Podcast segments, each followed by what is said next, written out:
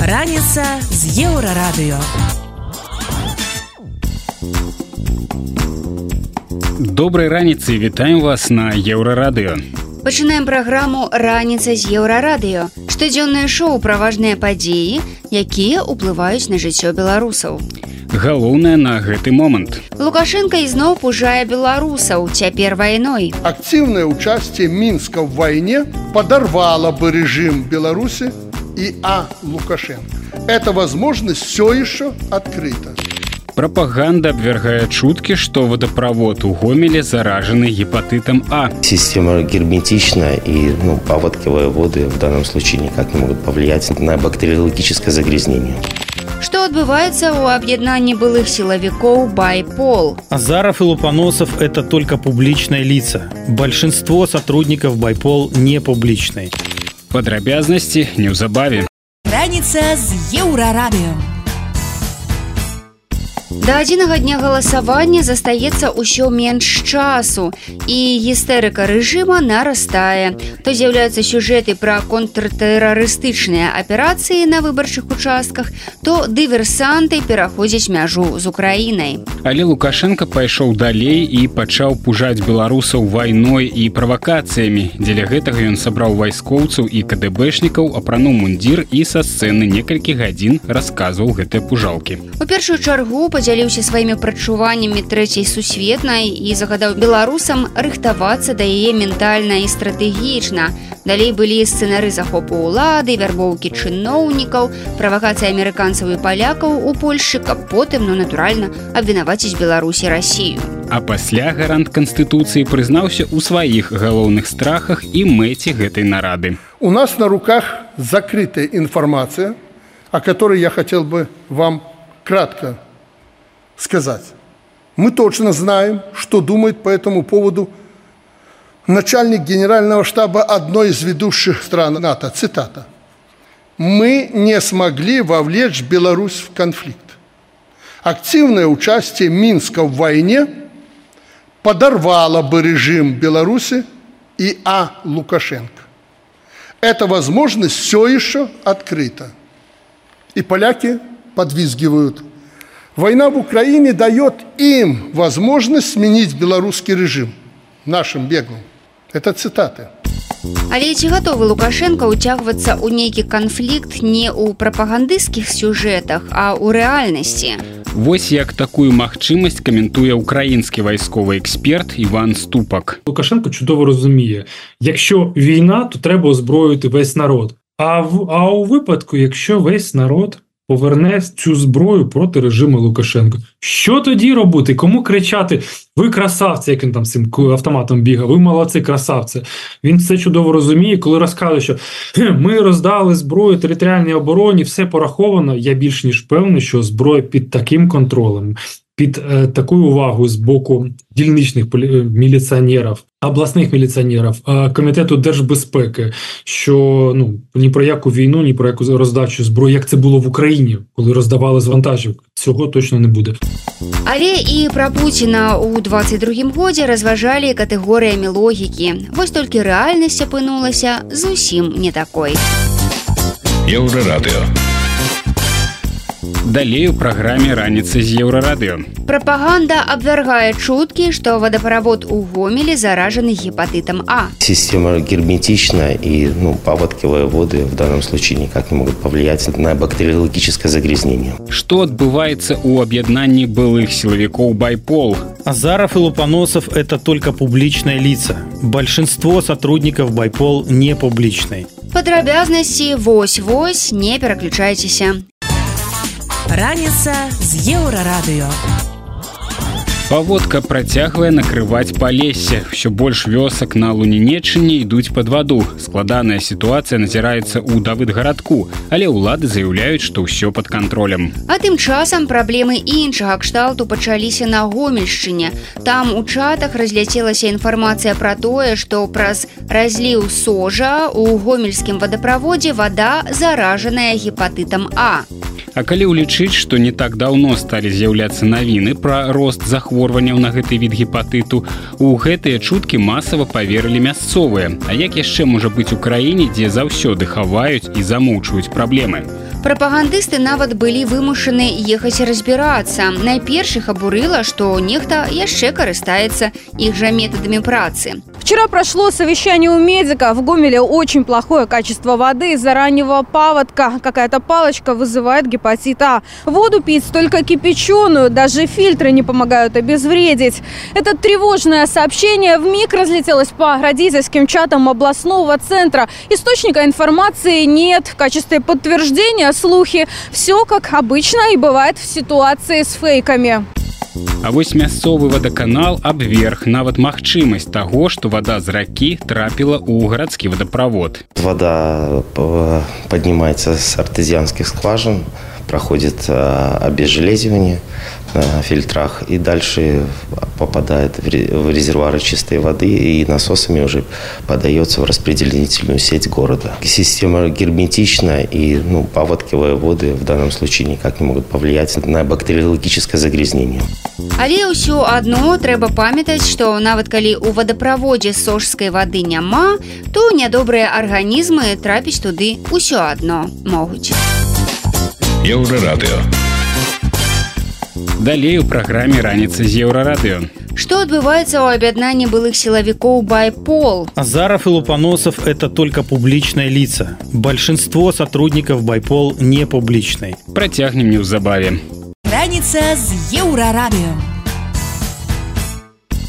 На ўчорашняй ганаровай сустрэчы з генераламі і сілавікамі Лукашенко не толькі пужаў беларусаў ды палякаў, але і апраўдваўся. Ён прыгадаў нядаўна апублікаваныя кіберпартызанамі злівы перамоў дактароў пра запасы вакцыны для самога Лукашэнкі і ягонай сям'і. Апраўдваючыся перад сваімі ахоўнікамі ён заявіў, што ўвогуле не прышчапляўся і прызнаў, што праца беларускіх ініцыятыў за мяжой мае свой плён. З 2020 года ў эміграцыі працуе шмат незалежных структур у выгнанні і пра адну з іх ініцыятыву былых сілавікоў байпол зараз і пойдзе гаворка. Каб расказаць пра тое, чым цяпер жыве э, байпол, што з планам перамога і ці далучаюцца да іх новыя сябры у студыю да Змітра Лукашука завітаў кіраўнік ініцыятывы Александр Азараў. І самае першае пытанне было такое, што там з планам перамога. Азараў абяцаў апублікаваць яго цягам аднаго месяца. Сапраўды абяцалі, я нешта прапусціў і калі абяцалі, то чаму не апублікавалі. Добрый день, Змитер. А, я не обещала опубликовать его в течение месяца. Я говорил о том, что план мы в ближайшие месяцы опубликуем. Новый план Перамога 2.0. Ну, возможно, это произойдет в течение месяца. У нас уже подготовлен ролик на эту тему и идут технические моменты. Мы сейчас решаем с публикацией. Вот поэтому э, пускай люди ожидают, скоро они все услышат. але тады узнікае пытанне калі план перамога 20 то што з перамогам з планам перамога 10 что прымусіла вас адмовіцца ад таго плану ці перапісаць яго ці вот что здарылася мы проводили внутренний аудит плана перамога а с учетом его составления также обстоятельств которые сейчас Э, сложились э, в социально-политической обстановке в Беларуси, в России и в Украине. И пришли к выводу, что план Перамога просто план Перамога, который он уже не сработает в этих условиях. Он был разработан для того, чтобы сработать при массовом выходе белорусов. Он рассчитан как раз на массовый выход белорусов, который был в 2020 году. Но сейчас мы видим, что в результате репрессий, которые уже идут третий год, белорусы запуганы до того, что а, ждать от них выхода на улицы уже невозможно. То есть уже никто не выйдет. Поэтому мы изучили план и полностью его переформатировали с учетом сложившихся обстоятельств. Теперь план представляет собой создание ячеек партизанского движения на территории Белоруссии. То есть мы работаем с людьми и создаем эти самые ячейки, готовим их, Э, работаем в плане получения информации и подготовки к будущей, э, к будущим партизанским акциям, которые также могут э, настать только в тот момент, когда появятся такие сприяльные условия на территории Беларуси. То есть это тоже план не такой, что давай Азаров запускай его в понедельник и будем свергать Лукашенко. Так это не работает. Все зависит в первую очередь от белорусов. Мы создали план э, для белорусов. Если белорусы сами не захотят в нем участвовать, то мы ничего сделать с этим не можем. То есть это не мы должны его запускать, а белорусы сами должны запустить его пытанне ад яшчэ аднаго наша гледача глядачкі дакладней. Ну прынамсі нік Настюша і вось Настюша пытается пытанне такое. Байпол гэта ўсяго два чалавекі. Ну можа запросят трэцяга. Як вы сабраліся звяргаць рэжым сотнямі тысяч солдат кот колькі ўсё ж таки дарэчы пасля развалу я шмат чую что засталіся ў тым байполе толькі азаровы лупаносаў і ўсё. Азаров и Лупаносов – это только публичные лица. Большинство сотрудников Байпол не публичные. То, что уволилось несколько человек, не повлияло на нашу работу. Мы приняли новых сотрудников на их места. Ну и вообще Байпол а, организация создавалась на протяжении 21-22 года. Это не те сотрудники, которые вышли в эфир в 2020 году в начале. Байпол это большая организация. Я занимался приемом людей в Байпол. И хочу сказать, ну мы это неоднократно уже заявляли, что было принято за два года порядка 600 а, человек. Чуть чуть больше 600, а большинство из которых являются бывшими и, и что очень важно, действующими силовиками, которые до сих пор продолжают служить. В Варшаве было только ядро организаций, в основном публичных, но большая часть тоже в Варшаве не публичных. Основные наши члены находятся в Беларуси, но также раскинуты уже в результате репрессий часть людей выехала, находится и в Украине, воюют против россиян, э, и в Польше, и в Литве, и в других странах. То есть Байпол это большая организация, это, это не Азаров и Купрейчик, как говорят, это белорусы, это те, которые находятся в основном внутри страны Ну тым не менш вы падрыхтавалі я так разумею не тое что вот нас было двое цяпер настроя а просто вырашылі яшчэ аднаго чалавека зрабіць публічнай асобай хто гэта прастаўце Да, мы решили все-таки одного человека, он был не публичным где-то полгода, но мы решили все-таки сделать его публичным. Вот это Александр Ракицкий, который раньше служил в Генеральной прокуратуре, имеет Э, значит звание советника юстиции Вось гэты чалавек э, былы супрацоўнік генпракуратуры Александр ракіцкі ну такі талерчык 20 у байполя. Спадар Александр оно по-першае рады познаёміцца скажите мне ласка я так ўсё ж таки на двары 24 год. Нават калі улічыць что вы раней троху вырашылі далучыцца да ініцыятывы байпол але все одно не 20 не 21 нават не 22 год. Чаму так доўга что вас стрымлівала что вас прымусіла далучыцца до да этой тэрарыстычнай органнізацыі я покинул э, страну в 21 году, э, выехал в Украину с семьей, э, и с 21 года являюсь волонтером общественной организации украинской «Вильная Беларусь». С начала военных действий в Украине выехали из Украины с семьей, и вот в 22 году я связывался с Э, ну, получилось у меня связаться, не так просто найти было вот такую возможность. Связался с Толерчиком, э, с ним э, переговорили, обсудили. Ну, то есть, мы были как-то знали о том, что мы существуем, и он, и я, но лично мы, к сожалению, знакомы не были. И я обозначил ему, что готов присоединиться к движению. Ну, обратной связи не последовало. И только в 23 году так получилось, мы вот пересеклись с Александром, он предложил вступить в организацию, и э, вот и состоялось. Продолжаем, вот сейчас начали и продолжаем совместную работу. Господар Александр, а проверка была? ці вы ведалі чалавека раней ці ўсё ж таки ён прайшоў усе неабходныя працэдуры проверки агентура и маргінез паўсюль Значит, я хотел бы добавить, что Талерчик, когда на него выходил Александр, он не сообщил коллективу, к сожалению, о том, что есть такой сотрудник и хочет присоединиться к организации. Мы бы его, конечно же, взяли с учетом его опыта, взяли бы еще и раньше. Вот. А сейчас получилось так, что через общих знакомых, с которыми мы работаем уже не один год, э, мы вот встретились, обсудили э, и решили работать вместе. Значит, он, конечно же, предварительно прошел все проверки, э, вот, кроме полиграфа, да, вот будут задавать вопрос 100% про полиграф. Значит, сейчас с полиграфом большие сложности. Вот мы договорились с нашими партнерами о прохождении им полиграфа и ждем команды, когда можно это осуществить.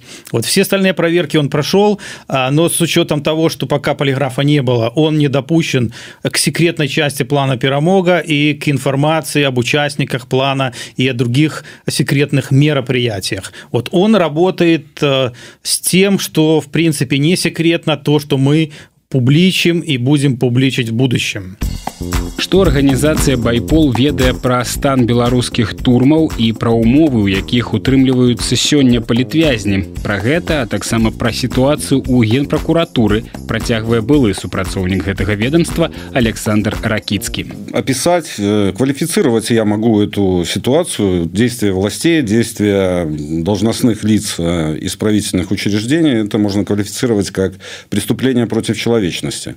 А, в отношении политических заключенных, которые на сегодняшний день отбывают наказание в местах лишения свободы, целенаправленно, масштабно и системно применяются а, пытки, создаются бесчеловечные условия содержания. Иначе как а, преступление против человечности это квалифицировать с учетом масштаба никак нельзя. Ну позиция ну такая вось посада я так разумею у прокуратуры застаецца. Как бы человек ну, специалист нагляду за выкананне по ну, пакаранню целое управление да. да то есть вот целое управление. И что вот чым яны займаются ці их зараз задача сачыць за тым каб вот зняволеных там сапраўды катавалі і забівалі Дело в том, что в Беларуси выстроена так называемая вертикаль власти, в которой в том числе включены органы прокуратуры. И э, скажем так, прокуроры не исполняют на сегодняшний день свои прямые обязанности, что касается э, надзора за исполнением наказания, в том числе в вот в описанных ситуациях касается смертей, касается бесчеловечных условий содержания, а исполняют, э, скажем так, волю правящего режима. Э, ну, все ж таки прокуратура прокурорскія супрацоўнікі. Но у нас такое было уяўленне что гэта люди ну вельмі разумныя. Все ж таки атрымаць адукацыю юрыдычную стаць прокурорам не кожны зможа. І гэтыя разумныя люди яны не бачаць что адбываецца ў краіне яны не бачаць что яны выконваюць злачынныя загады. То есть вот наколькі все ж таки ну э, не то что пратэстныя настроі а не прыняццё того что адбываецца у краіне было пашырана у сярод супрацоўнікаў прокуратуры ну в, в моем личном общении и в скажем так, и за пределами даже этого общения, вообще позиция прокурорских работников, очень многих, вне зависимости, там, скажем, от э, политических взглядов и пристрастий, была однозначной. То, что происходили события 20, в 2020 году, э, применение насилия в отношении мирных граждан, это всеми оценивалось как э, ну, преступная деятельность со стороны сотрудников органов внутренних дел. Но и впоследствии скажу так, что позиция очень многих прокуроров не изменилась. Э, прокуроры отказывались от поддержания государственного обвинения. Знаю случаи такие, что отказывали в даче санкций там, на, э, скажем, на арест, на проведение каких-то оперативно-розыскных мероприятий. И репре... ну, можно сказать, репрессии в отношении прокурорских работников э, вот начались буквально там с 20-21 года. И продолжались достаточно длительное время. Э, состав Генеральной прокуратуры, насколько мне известно, изменился минимум на 70%. Э, научно-практический центр, где я работал, насчитывал 35 человек. Из состава, скажем, 2021 года осталось 4 или 5. То есть и генеральный прокурор весной 2021 года на одной из коллегий заявлял, что в рядах прокуратуры еще много предателей. Э, предателей он называл тех людей, которые э, объективно оценивали ситуацию с точки зрения закона. Але э, я ну можа я пропусціў але я не бачыў там калі суд адбываецца так званы э, дзяржаўны абвінаваўца э, там как бы просіць суддзю пакараць э, таким-то вось тэрмінам я нічого асабліва каб прокуратура прокурорскі супрацоўнік выступаў супраць э, такого покарания. Э, это происходит э, еще до процесса, то есть обсуждаются, выдается, скажем так, надзорное производство прокурору или помощнику прокурора, который должен идти в процесс, и он заявляет руководству, оглашает свою позицию по конкретному делу. То есть э, позиция прокурора известна, и, соответственно, если эта позиция не соответствует, э, скажем, общей политике партии и правительства, ну, соответственно, этот прокурор не допускается к участию в процессе.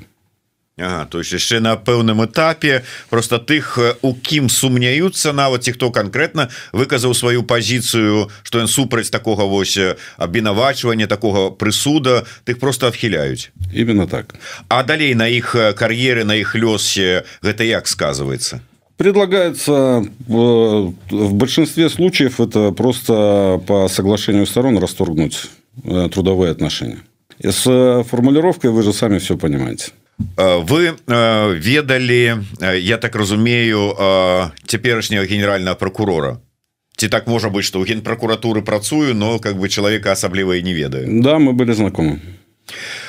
Патлумачьте мне ну как бы два моманта ну першы звязаны вот ён так зараз зацята носіцца з гэтай ідэяй геноцида беларускага народу адкуль гэта ў яго вот раней за ім заўважалі такое что вот он хадзіў і думаў что вот вы ўсё там про про дзяўчат про баню размаўляеце давайте про геноцид поговорим Ну, я не был, скажем так, в последнее время не, не был у нас какого-то общения, но и в каких-то официальных заявлениях э, до вот момента до событий 2020 года ни о каком геноциде, соответственно, ну, речи не, не велось со, со стороны шведа и не, не, не могло вестись. Это, э, на мой взгляд, это, э, скажем так, очередная э, политическая история, связанная с политикой, связанная с тем, чтобы оправдать репрессии, которые происходят внутри страны, отвлечь внимание людей от событий внутри страны я только с этим связываю. Вот эти все процессы, которые вот происходят, что касается геноцида. Понятно, что все осуждают э, геноцид белорусского народа. Понятно, что все осуждают преступления, совершенные в отношении белорусского народа э, фашистской Германии. Был Нюрнбергский процесс, были процессы в Советском Союзе, в других государствах в отношении нацистских преступников. Почему спустя там, 80 лет э, опять для чего? Ну, сложно сказать, э, за исключением вот того, что я уже обозначил. Ну э, сапраўды калі ўжо брацца за там вывучэнне распрацоўку пытанняў геноцида беларускага народа то чаму не ўзгадаць там скажем 20 30 гады мінулага стагоддзя сталінскія рэпрэсіі геноцид гэта ці не геноцид потым пасля ста вялікай айчыннай войны так званой альбо другой сусветнай войны таксама колькі людзей. А вот сённяшняя сітуацыя гэта геноцид як вы лічыце то что адбываецца ў Беларусі то, что сейчас происходит, оно и происходило и раньше, э, с точки зрения уголовно-правовой можно квалифицировать как э, удержание государственной власти неконституционным путем. И, ну, это такое многосложное, э, скажем, многосложное преступление, которое включает в том числе себя, в том числе там, и фальсификацию итогов выборов, и насилие э, противоправное ну, с сотрудниками органов внутренних дел Комитета госбезопасности в отношении мирных граждан. Это касается и преступления против интересов службы, и против конституционных прав и свобод граждан. Это такой многоаспектный, э, скажем, процесс, над которым вот сейчас мы систематизируем Э, информацию, систематизируем э, сообщения вот э, преступной этой деятельности всей режима и сделаем вот в системном таком виде сделаем эту информацию достоянием общественности. Гэта былі кіраўнік байпола Александр Азараў і член арганізацыі Александр Ракіцкі. У гутарцы са зметром Лукашуком яны расказалі пра тое, чым цяпер жыве байпол і якія ў ініцыятывы планы на будучыню. Еўрарадыё. Далей у праграме раніца з еўрарадыё. Яшчэ одна смерть политвязня у белорусской турме. Условия содержания, которые там есть, абсолютно наплевательское отношение администрации, дискриминация. То, что происходит, просто во многом можно назвать и пытками и так далее. Белорусы не хочуць ствараць сем'і. Чайлдфры заваёўваюць краіну. Калі а, апытваюць беларусаў беларусак, якраз яны гавораць, што мы хочам мець дзяцей і не аднаго, а больш. Пра гэта больш падрабязна бліжэйшым часам. Раніца з еўрарадыё. Учора з'явілася навіна пра яшчэ адну смерць палітвязня ў беларускай турме. Памёр актывіст ігр леднік, які быў асуджаны на тры гады за так званы паклёп на лукашэнку. У вязня не вытрымала сэрца. Гэта ўжо пяты выпадак смерцяў за кратамі з 2020 года і выглядае на тое, што далей лепш не будзе, бо ў турмах застаюцца яшчэ тысячы людзей. Па ацэнцы міністра замежных спраў Польшчы Радаслава Сікорскага у Беларусі і Росіі Расіі разам палітвязняў ужо больш чым было ў ССР у брэжнеўскія часы. Яшчэ сённяшнюю сітуацыю адрознівае стаўленне да гэтых людзей. Яно бесчалавечнае і больш падобнае да катаванняў. Што казаць, калі людзі пачынаюць хварэць на цынгу, хваробу, якую сёння складана знайсці нават у самых бедных рэгіёнах свету. Стварэнне такіх невыносных умоў для палітвязняў зразумелая стратэгія для лукашэнкаўцаў. Гэты сігнал і спосаб запужаць тых, хто яшчэ на волі. Такое меркаванне ў праекце Маланка медыя выказаў палітычны аглядальнік Александр Фридман. А вось ці патрэбныя рэжыму смерці яго оппонентаў. Если мы возьмем особенно известных политзаключенных, за судьбами которых следит э, весь мир, так или иначе. Временами интенсивно, временами менее интенсивно, но которые известны за пределами Беларуси и широко известны за пределами Беларуси, то этих людей, как мне представляется, режим Лукашенко воспринимает в качестве своего рода актива, который в будущем может пригодиться и при контактах с Западом, и при выторговывании чего-либо и тому подобное. Поэтому что мы видим в белорусском случае? Об этих людях информация, которая идет очень скупая, как правило, и что-то произошедшее с этими людьми, как правило, ну, исключением было только случай э, с, Мариной, с Марией Колесниковой, эта информация не выносится на поверхность. Жыцці невядомых шырокай грамадскасці вязняў мала хвалююць беларускі рэжым. І на жаль, выйсці з гэтай страшнай сітуацыі пакуль не бачыць ніхто. Еўрарадыё. Далей у праграме раніца з еўрарадыё. Беларусы не хочуць ствараць сем'і. Чалтфры заваёўваюць краіну. Калі а, апытваюць беларусаў беларусак, якраз яны гавораць, што мы хочам мець дзяцей і не аднаго, а больш. Падрабязнасці неўзабаве. Раніца з еўрарадыё. У Беларусі который год запар змяншаецца колькасць шлюбаў. Гэта вынікае са справаздачы міністэрства юстыцыі. За мінулы год зарэгістравалі 56 тысяч шлюбаў, што амаль на 2000 ці на двасоткі менш чым годам раней. Паралельна павялічваецца колькасць разводаў. Больш затое падае нараджальнасць і адпаведна агульная колькасць насельніцтва, але не хвалюйцеся улады знайшлі выйсце. Не, яны не будуць паляпшаць эканамічную сітуацыю альбо умовы жыцця.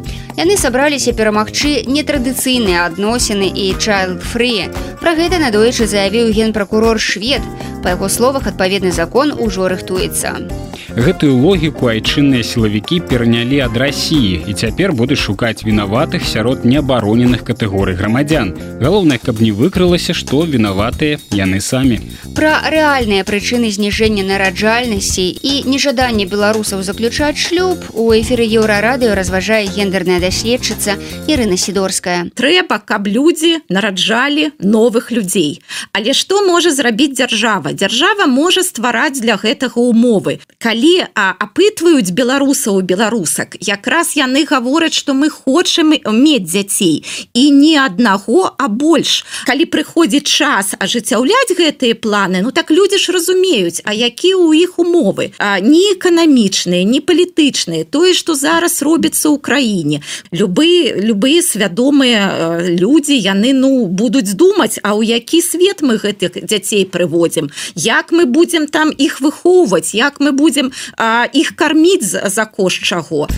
Але рэжым лепш будзе змагацца з прадстаўнікамі ЛГБТК і прымушаць заводзіць дзяцей. Пад пагрозы крымінальнай адказнасці вядома. іншых варыянтаў павелічэння нараджальнасці лукашэнкаўскія ўлады ўжо не маюць.